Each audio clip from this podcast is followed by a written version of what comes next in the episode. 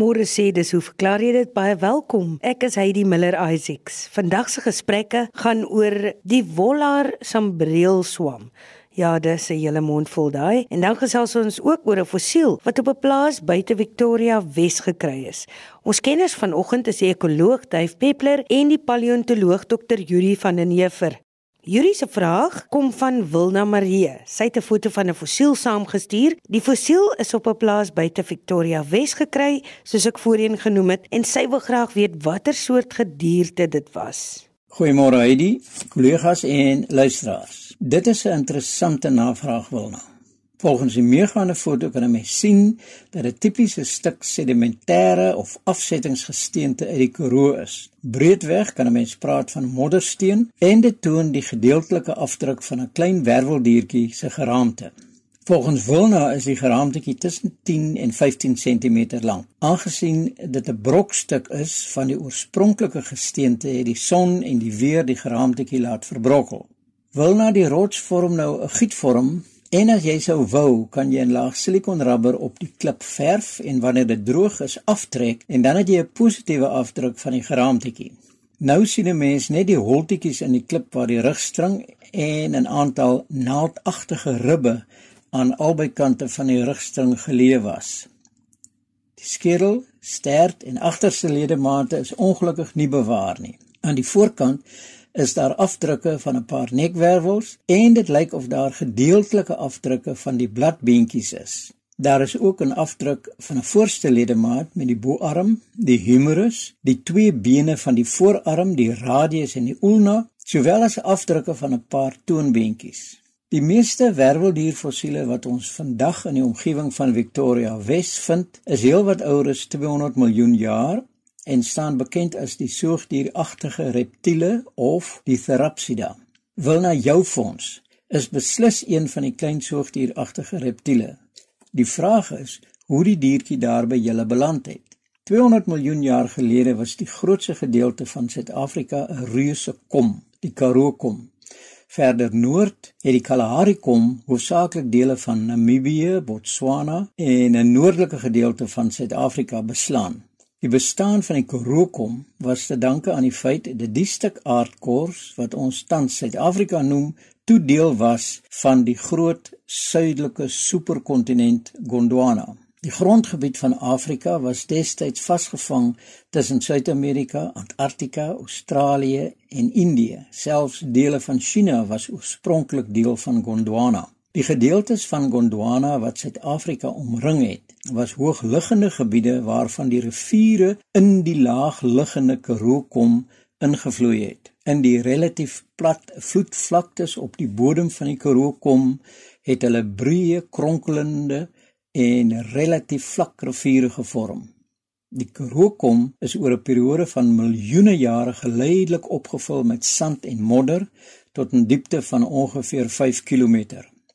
Sand wat deur die rivierkanale vervoer is en versteen het tot sandsteen toon vandag steeds die kronkelgang van die ou rivierkanale. Die modder en sluk wat op die vlaktes tussen die kanale uitgewas het en versteen het tot moddersteen, bevat die fossiele en fossielspore van die diere en plante wat op die vloedvlaktes geleef het. Die opeenvolgende lae van die karoogesteentes lê ongesteurd en feitelik horisontaal op mekaar. Die oudste laag in die diepste deel van die oorspronklike kom kry ons in die weste vanaf Sutherland en die jongstes in die omgewing van Golden Gate.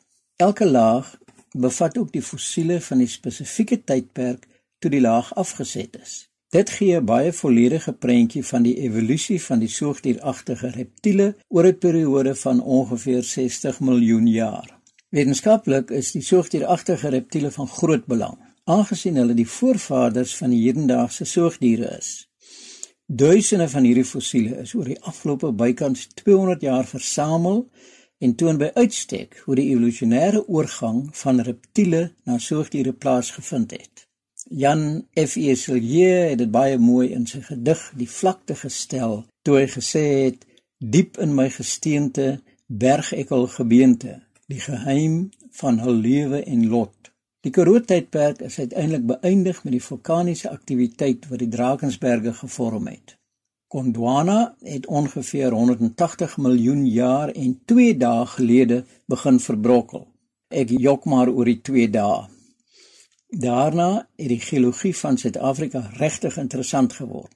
Die hoogste punt in Suid-Afrika is in die Drakensberge met 'n steil eskarp aan die ooste kant. Die ander kant van Suid-Afrika lê egter ver wes van die Drakensberge in die Kaap. Dit het toegelaat dat Suid-Afrika geleidelik in die rigting van die Atlantiese Oseaan verweer het en op dië manier is die dieper laag van die Karoo kom aan die weste geleidelik ontbloot. Die gevolg is dat ons vandag van die Kaap opry na die ooste en noorde toe. Dit is amper soos om 'n laagkoek skuins deur te sny sodat 'n mens die laag van die kant af van onder na bo kan beskou. Net so in die Karoo. Addisionele erosie van die Karoo rotse in min of meer suidelike rigting het gelei tot die ontstaan van die bekende Karoo koppies en klowe wat die soektog na fossiele vergemaklik. Op die oog af lyk dit nie of jou fonds van wetenskaplike belang is nie. Die rede is dat meeste van die taksonomies belangrike kenmerke gewoonlik in die skedel en nie in die postkraniale skelet geleë is nie, want meeste sintuie is in die skedel geleë. Saam met belangrike aanpassings soos die vorm en funksie van die onderkaak en die kaakspiere, die bou van die verhemelte en die breinkas, die aard van die gebit en spesifiek by die klein vleiseters die mate waartoe 'n heterodonte gebit ontwikkel is, te wete met snytande, slagtande en kiestande. Daarom is dit moeilik om jou fonds presies te identifiseer, veral van 'n foto af. Die dun ribbetjies laat my dink dat dit 'n klein plantvrettertjie is. Hulle pootjies het egter ietwat na buite gestrek, baie soos die van likwane. Dit het beteken dat die humerus baie soos 'n strikdas gelyk het. Nou in die middel met die punte breër en afgeplat. Die vleisvreters sê humerus het meer soos die van honde en selfs ons eie gelyk omdat die pote onder die lyf ingeskuif het. Dit is egter nie duidelik op die foto hoe die humerus werklik gelyk het nie. 'n Blote raaiskoot sou wees dat jy 'n klein plantvretertjie gevind het. Enige fossielfonds in die Karoo is egter iets baie spesiaal, want dit onderstreep die feit dat ander lewensvorme die aarde reeds lank voor ons bewoon het. 'n Verdere ongelooflike ervaring is dat wanneer jy 'n klip oopkap om 'n fossiel te ontbloot, is jy die eerste mens in bykans 260 miljoen jaar wat dit onder oë kry. Dankie vir 'n interessante vraag. Yuri van den Heever het pas gesels en nou is dit die beurt van Dave Peppler. Sy brief kom van Andrew van der Helm en hy het 'n foto saamgestuur van 'n kring van sampioene of 'n sampioenkring wat hy gesien het naby 'n klein sentrum in Stellenberg, Durbanville. Hy sê hy het eers gedink dis die werk van 'n mol en dat daar wel molshope in die omgewing is, hoewel hy geen molshope naby hierdie kring van sampioene gewaar het nie. Andrew sou graag wou weet wat die verklaring hiervoor is. Ek gee oor aan Dave Peppler. Goeiedag luisteraars, gegroet uit my studeerkamer in Stellenbosch. Sommer twee vliee met een klap en beide vrae gaan oor sampioene. Die eerste vraag kom van Andrew van der Helm en ehm um, hy vra verskoning dat hy in Engels uh, met ons korrespondeer. Ehm um, maar hy sê ook dat hy die program volg en dit interessant en informatief vind. Hy merk ook op dat mole nie binne hierdie sirkels werk nie en ehm um, hy vra om 'n verduideliking. Hy het hierdie epos opgevolg met 'n ietwat geïrriteerde kommentaar waar hy gesê het um commentary with regards to Peppler's knowledge and aanhalingstekens with regards to certain replies he has to question on radio. Meneer uh, van der Helm, kom ek verduidelik uh, ek het uh, nog nooit gesê dat ek alles weet nie.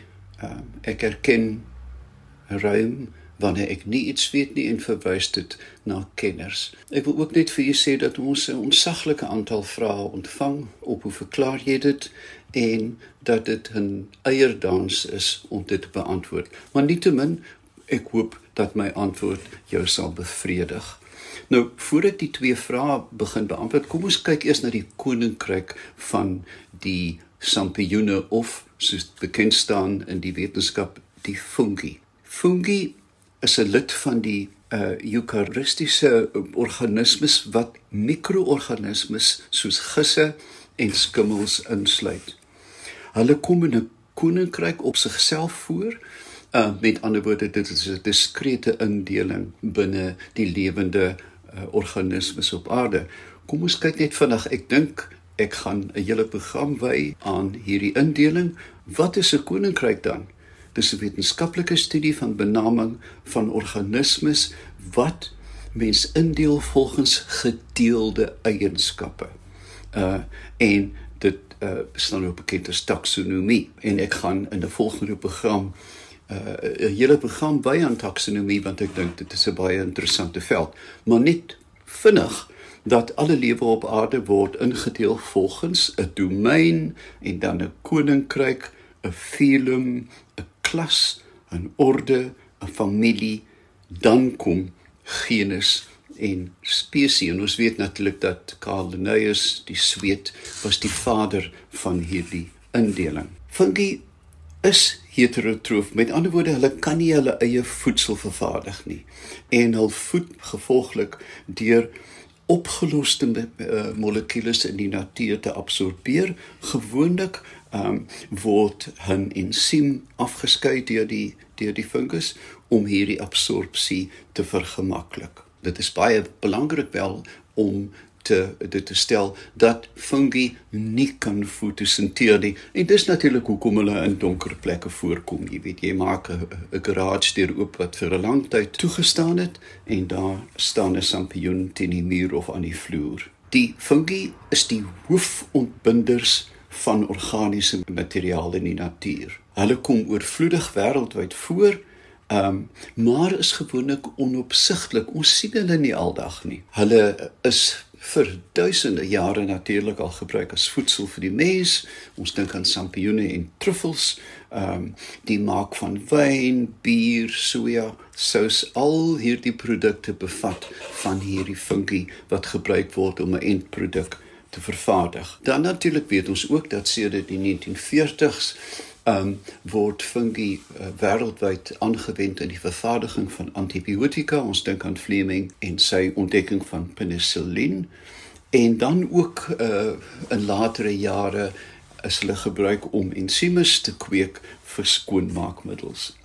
Daar word gereken dat daar 2,2 tot 3,8 miljoen spesies op aarde is, maar uh, minder as 150 000 is reeds beskryf. Dan het hulle natuurlik ook psigotropiese eienskappe. Met ander woorde kan ons dit dan in die volksmond sê uh sampioene wat jou laat droom. En dit word gebruik vir rekreasie. Ons weet as jy by die jong klomp praat dat hulle praat van shrooms, psilocybin en 'n hele klomp produkte wat daar uitkom. En dan word dit ook natuurlik in veral in Meso-Amerika en Suid-Amerika in oeroue spirituele uh, seremonies gebruik. Van hierdie sampioene met hierdie eienskappe kom wêreldwyd voor en van die mooiste voorbeelde van hulle is Amanita muscaria vleeggif. Ons ken almal hierdie lieflike 'n knalrooi sampioen met die wit spikkels op wat in ons um, herfs en winter in veral in denneplantasies voorkom. Nou, uh, ek onthou op Robertson waar ek groot geword het dat wanneer hierdie sampioene verskyn het, het sekere mense daarvan gepluk, dit in blokkies opgesny en in in melk gekook en die pierentjie is dan op die tafel neergesit. Die vliee het kom sit daarby, die melk gedrink en dan kon hulle die vlugte en jy kon hulle met 'n plak net daar doodslaan. Uh, ons weet ook uit die geskiedenis van Skandinawië dat hierdie sampioen um 'n rituele spirituele rituele gebruik is waar die sjamaan die priester van die sampioene geëet het en dan sy urine gegee het aan die gemeente of die gehoor om te drink en dan het almal vrolik geword daarvan. Hierdie is nie sampioene om mee te eksperimenteer nie. Ek wil dit baie duidelik stel. Die Engelse spreekwoord do not do this at home want ook binne die sampioenryk in Suid-Afrika is daar nie giftig nie, maar wel dodelike sampioene. Ons dink aan die doodspeker, Amanita phalloides, daar's ook 'n Amanita capensis. Nou, dit is baie lekker, maar 16 of 20 uur daarna sterf jy eenvoudig want hulle is so so giftig. Nou wat uh, dit is 'n komplekse groeivorms, maar kom ons praat net in die algemeen. Die groeivorm sien ons um, is verborge onder die grond of 'n substraat van organiese materiaal. Sampioene groei dan met klein buisies bekend as hyphae, silindries Hulle is 2 tot 10 mikron dik. Dit is 'n miljoenste van 'n meter fyn draadjies onder die grond gewoonlik. Um en dan waar hierdie netwerk um dan rigbaar word, vorm dit die ondergrondse gesamentlike liggaam wat bekend staan as die mycelium. Dit is soms sigbaar soos muf teen mure uh, wat klam is, um wat wat ons praat van aanslaan en Mens kan dit natuurlik ook kweek in petri bakkies op agar waar elke sampioen 'n baie uitkenmerkende en uitkennende groeivorm het. Met ander woorde, as jy 'n onbekende spoor of 'n 'n stukkie van die mycelium dan kweek in 'n laboratorium, kan jy baie gou bepaal watter sampioen of fungus jy mee te doen het. Die diagnose is totaal uniek. Ehm um, die Mycelium kan ook groot druk uitoefen in mure, in plante en grond en soveel as 8 megapascal. Nou dit is baie groot druk in die ou taal, 1200 pond per vierkante duim. Ons gaan dit later oorskakel na metrieke afmetings. Uh nou die reproduksie uh kan op twee maniere geskied, die voortplanting aseksueel waar die mycelium fragmenteer en 'n stukkie sou wegdryf waai uh, deur verstoring en dan weer posvat en 'n nuwe kolonie begin. Maar daar is ook seksuele reproduksie waar spore gevorm word in vrugliggame. Nou ja, dit is waar ons by die vraag van meneer van der Helm uitkom. Hierdie pragtige voorbeeld van sampioene is eintlik duidelik die buitelyn van die groot miselium onder die grond. Met ander woorde, dit is byna soos die druplyn van 'n boom. 'n Mens sê mos altyd jy moet voeding en water gee op die skadu van die boom teen midder. Met ander woorde, daardie dis nie die stam in die middel nie, maar die voeding en aktiwiteit is aan die buitewyke van hierdie ondergrondse vrugliggaam. Dit's 'n baie mooi voorbeeld meneer van der Helm en um 'n mens kan net verwonderd staan en begin dink hoe oud die kolonie is. Dit kan dekades of selfs honderde jare oud wees. En dan onder gunstige toestande gewoonlik na reën en veral na reën met donderweer sien 'n mens dat oornag ontpop hierdie mirakel voor jou oë.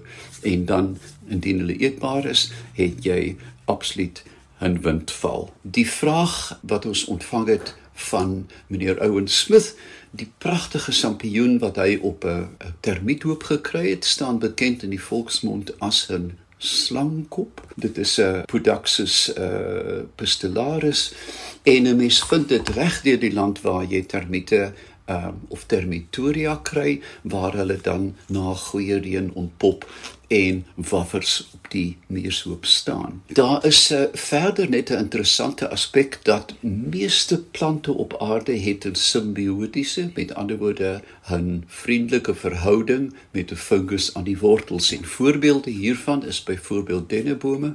In jare toe het Dr. Kobus Tron sy PhD hieroor gedoen en dat indien 'n mens dan die regte ehm uh, mycorrhiza word dit genoem. In ent op 'n klein plantjie kan jy die produksie van die boom met 10, 20, 30% verhoog uh, in vergelyking met bome wat nie ingeënt is nie. Ek weet ook uit persoonlike ondervinding dat die onderdrukking van hierdie mycelium in 'n uh, plantegroei tipe soos Miombo byvoorbeeld deur jaarlikse brande onderdruk word en dit dan die groei van die hele bioom beïnvloed daar is simbiose met diere, byvoorbeeld um ambrosia kewers, 'n pes van saghout wat 'n tonneltjie grawe en dan binne die tonnel op die liggaam is daar spore en dit vorm dan 'n fungus wat die diere van leef. Ook met termiete weet ons veral die grasnyer termiete, Hadothermes byvoorbeeld, dat hulle spesiale kamers in die territorium onder die grond het waar die humiditeit en temperatuur pragtig konstant is waar hulle dan die grashalms, die, die gesnyde grashalms neerlê en 'n fungus groei daarop wat hulle dan vreet. Hierdie plante eh, of hierdie organismes is natuurlik ook 'n baie groot pes. Ons dink aan uh, roes op rys, die die ineenstorting van die eerste aardappelbedryf in uh, uh, in die 1800s en natuurlik ook die mens. Ons kry siektes soos Candida, uh, Coccidiose, Histoplasmose, omlope, atleetvoet, al hierdie siektes, voorkomste van van fungus by die mens is oorbekend, maar ons besef nie aldag dat dit 'n um, fungus is wat te werk gaan. Jy weet as daai tonaal van jou so 'n wit kool onder kry, dan moet jy maar weet dis fungus se maat wat daar werk. Um, meneer van der Helm en ook meneer Smith uh, alhoewel baie beknop hoop ek dat hierdie verduideliking julle vrae beantwoord. Baie dankie Dave Peppler, so ook aan Dr. Yuri van den Heever vir vandag se baie interessante gesprek. Ek hoop jy geniet jou Sondagmiddag. Ek stuur groete.